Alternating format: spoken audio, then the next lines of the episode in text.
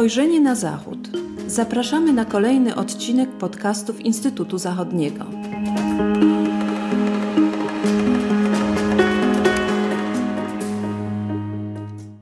Dzień dobry, z tej strony Agata Kałabunowska. Witam Państwa w kolejnym odcinku podcastów Instytutu Zachodniego.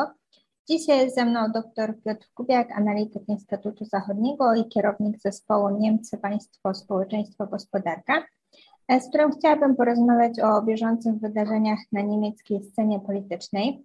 E, emocje już nieco opadły po wyborach do Bundestagu z 26 września e, bieżącego roku. E, gdybyśmy mogli krótko opowiedzieć, co tam się wydarzyło w tych wyborach i ponieważ już wiele o tych wyborach powiedziano i napisano, może też byśmy podeszli do tego z takiej perspektywy, co Ciebie najbardziej zaskoczyło, jeśli chodzi o przebieg kampanii, tej kampanii i wyniki, no zważywszy na to, że to już jest kolejna kampania, którą tak bacznie monitorujesz tutaj w Instytucie Zachodnim. Dzień dobry.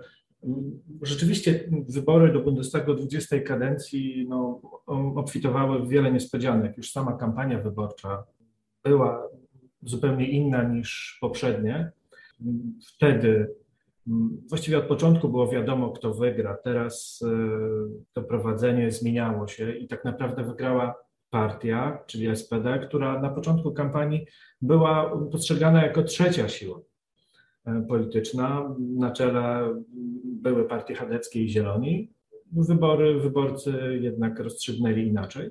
Właściwie ta kampania w dużym stopniu toczyła się wokół kwestii personalnych. Tak? E, tutaj media bardzo mocno akcentowały, zwłaszcza w pierwszej fazie kampanii wyborczej, różnego rodzaju potknięcia kandydatów na kanclerza.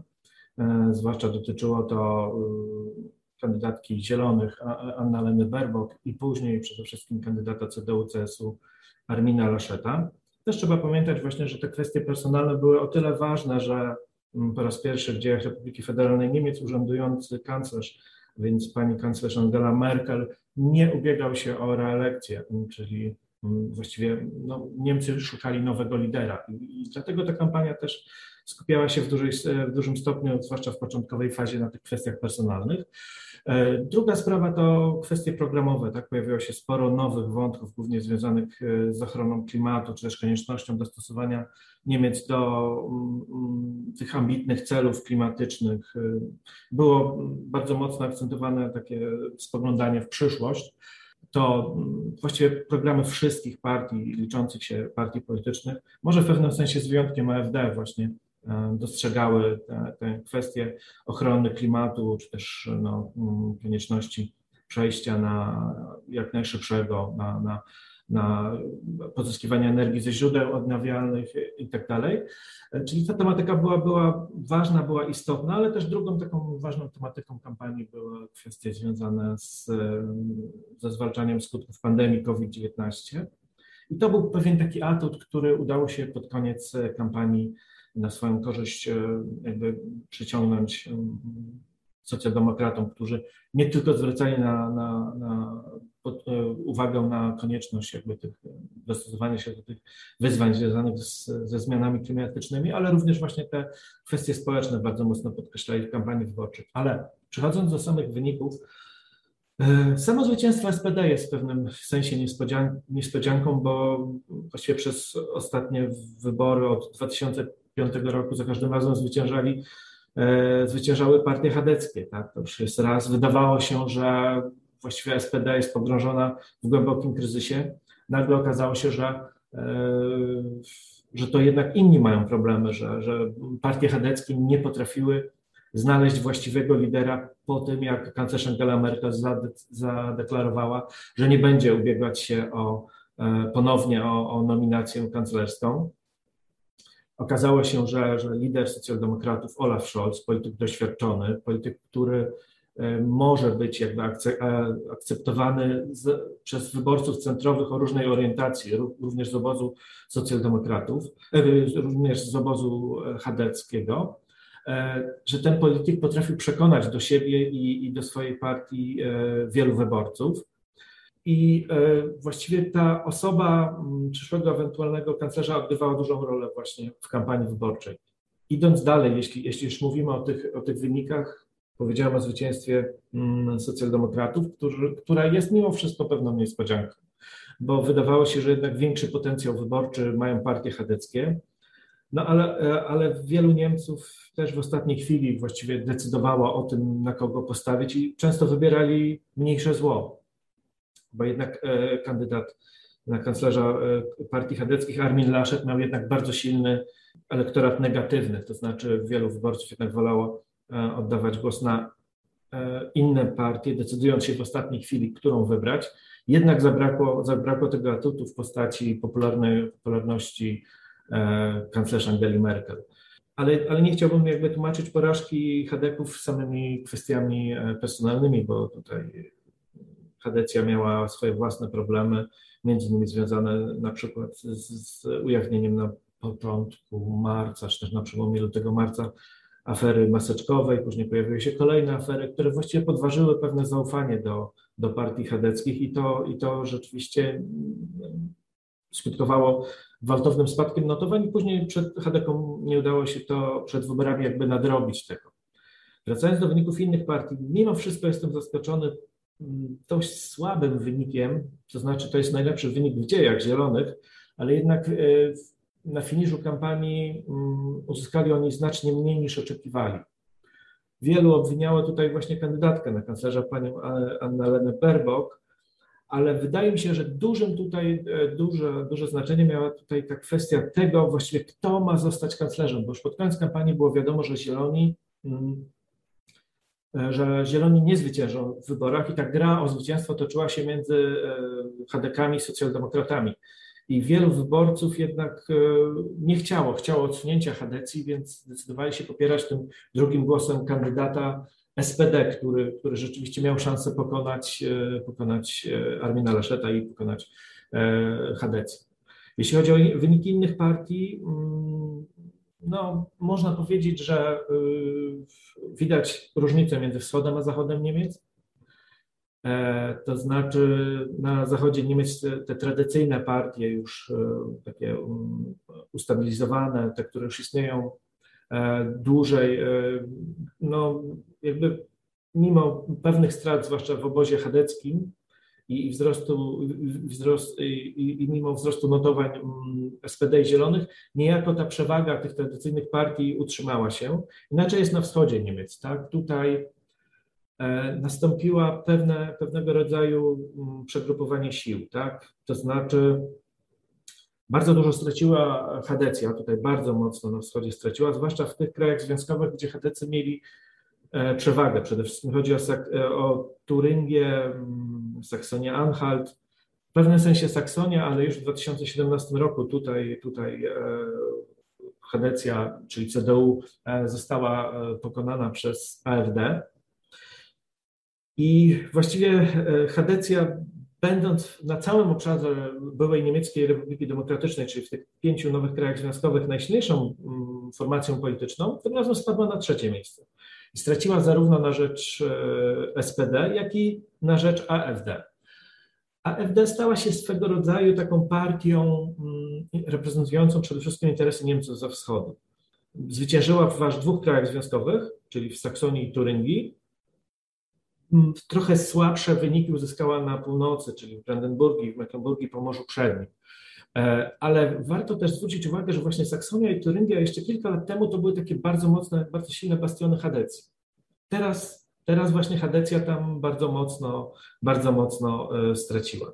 Kolejną, kolejną pewną, mimo wszystko niespodzianką było to, że e, partia Die Linke, która była jako rozważana jako jedna z opcji, jako potencjalny koalicjant dla, dla SPD i Zielonych, Partia Die nie uzyskała, nie przekroczyła granicy 5% e, poparcia i e, weszła, właściwie jej przedstawiciele weszli do Bundestagu tylko dlatego, że, że Die e, udało się zwyciężyć w trzech okręgach wyborczych, dwóch, w dwóch w Berlinie i jednym w Lipsku, czyli w okręgach jednomandatowych, co pozwoliło na mocy tak zwanej klauzuli mandatowej mm, do tego, że mm, jakby Die była rozważana przy tych, przy tych um, przy podziale mandatów dla partii, które, które przekroczyły próg wyborczy. Więc oprócz takiej klauzuli zaporowej, zaporowej była klauzula mandatowa, funkcjonuje klauzula mandatowa, dzięki której właśnie Linke dostała się do Bundestagu. I jeszcze na koniec warto też zwrócić uwagę na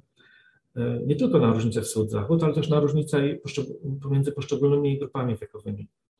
Najmłodsi wyborcy, czyli w grupie 18-29, najchętniej głosowali na Zielonych i FDP, podczas gdy im starsi wyborcy, tym chętniej głosowali na SPD i CDU-CSU. Przejdźmy teraz do rozmów koalicyjnych, czyli do tego, co e, odbywa się w Niemczech e, od razu po wyborach. E, w grze pozostają największe partie, czyli FDP, Zieloni, SPD i Hadecja. Ze względu na porażkę Hadecji w tych wyborach, o której już wspomniałeś, no, powoli ta opcja, że, że Hadecja pozostanie przy władzy, mm, słabnie, natomiast oczywiście CDU, CSU nie dają za wygraną. Gdybyś mógł podsumować, jak dotychczas w tych ostatnich dwóch tygodniach e, przebiegały e, te rozmowy sądujące i czy teraz można już z, większym, z większą pewnością powiedzieć, e, kto będzie wchodził w skład rządu w Niemczech? Po wyborach rozpoczęły się rozmowy sądujące nad, nad sformowaniem potencjalnych koalicji. Właściwie możliwe są trzy opcje, mm, czyli koalicja świateł ulicznych, E, z udziałem SPD Zielonych FDP, koalicja jamańska, czyli z udziałem CDU, CSU, e, Zielonych i FDP oraz jako taka opcja rezerwowa na wypadek, tak, na wypadek niepowodzenia tych dwóch pierwszych, czyli kontynuacja wielkiej koalicji, ale mm, w tym wypadku jakby silniejszym partnerem byłaby SPD, a więc koalicja SPD i CDU-CSU.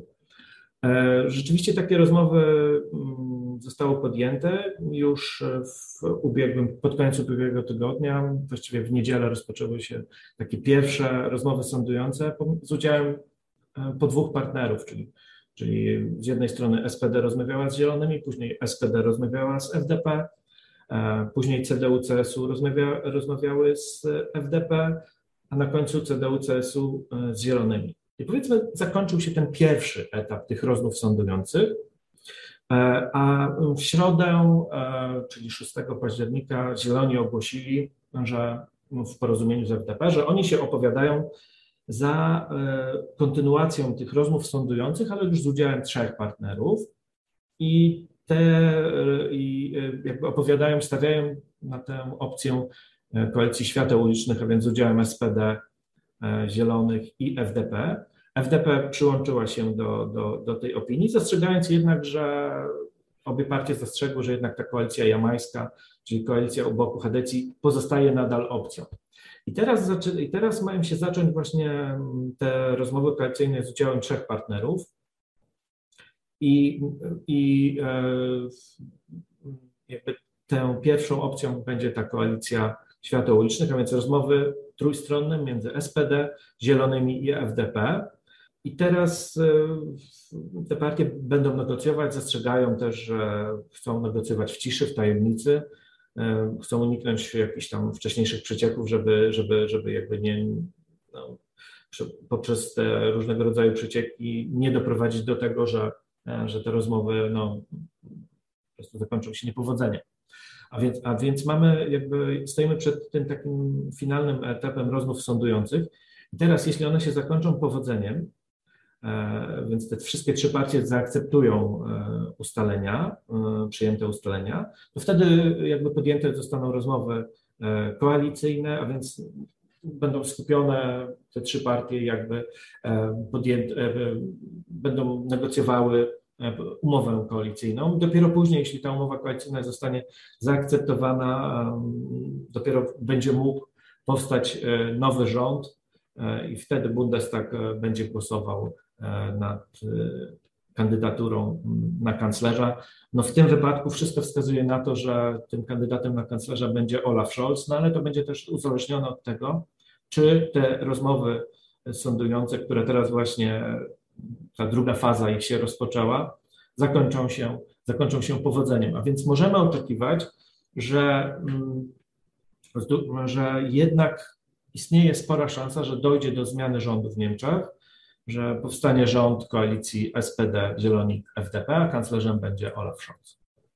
E, czy można z tego wywnioskować, z tego przebiegu tych rozmów sądujących, że Hadecja już zostaje zepchnięta na, na boczny tor?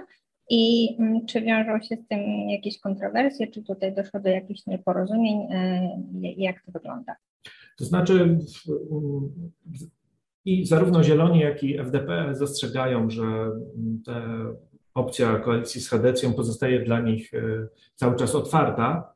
E, postawiły między, na rozmowy z socjaldemokratami chyba dlatego, że no po prostu uzyskały lepsze warunki. E, to jest raz. Dwa, po drugie, jednak większość Niemców opowiada się E, zdecydowanie za, tę, za tą koalicją mm, świateł ulicznych, czyli za koalicją SPD, Zieloni, FDP, co zresztą pokazuje wynik wyborczy. Jednak Hadecja jest na tym drugim miejscu, między innymi ze względu na to, że uzyskała niewiele, ale jednak gorszy wynik od, e, od mm, SPD. To jest raz. Po drugie, jeśli chodzi o samą Hadecję, oczywiście dla samego kandydata na kanclerza Armina Laszeta to trochę dla niego być albo nie być w polityce, tak? Dlatego jemu tak zależało na, na tym, żeby, że mimo porażki wyborczej, żeby jednak podjąć, podejmować te rozmowy z Zielonymi i FDP, że mimo wszystko uda się stworzyć rząd. E, my też musimy pamiętać, że Laszet już zadeklarował, że e, rezygnuje ze stanowiska premiera na, na terenie północnej Westfalii już jest wyznaczony jego następca, e, to Hendrik e, Wüst. E, poza tym no Laszet oczywiście nadal pozostaje przewodniczącym CDU. Niemniej w samym obozie chadeckim toczy się, toczy się debata i dyskusja wokół tego, czy rzeczywiście Laszet powinien jakby no, pozostać nadal liderem obozu chadeckiego, czy też samej CDU. W partii zresztą nasila, nasilają się głosy, że no, powinno się jednak wyciągnąć konsekwencje z tak słabego wyniku, za który w dużym stopniu Laszek był odpowiedzialny. A jeśli chodzi o to zepchnięcie na boczny tor Hadecji, no to na przykład warto też nadmienić jakby reakcję e, przewodniczącego CES-u Markusa Zydera, który e, po ogłoszeniu przez Zielonych i FDP decyzji o tym, że będą e, kontynuowały rozmowy nad powołaniem nowego rządu z SPD, on powiedział, no teraz już jest, sprawa jest jasna, tak, że pierwszeństwo jednak ma ta koalicja z SPD, co pokazuje, że jakby w tym obozie chadeckim no nie ma do końca takiej jedności, czy też zdecydowania, żeby się jednak wpychać przed, przepraszam, że tak powiem kolokwialnie, przed Hadecją, przed, przed SPD, jeśli chodzi o, o tworzenie rządu. Także e, wielu w obozie chadeckim jednak chce wyciągnąć te konsekwencje z tego niepowodzenia wyborczego.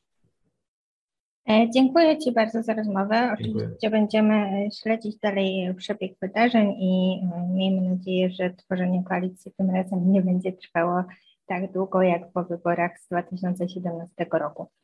Państwu serdecznie dziękujemy za uwagę i zapraszamy do słuchania kolejnych odcinków podcastów Instytutu Zachodniego. Do usłyszenia. Do widzenia.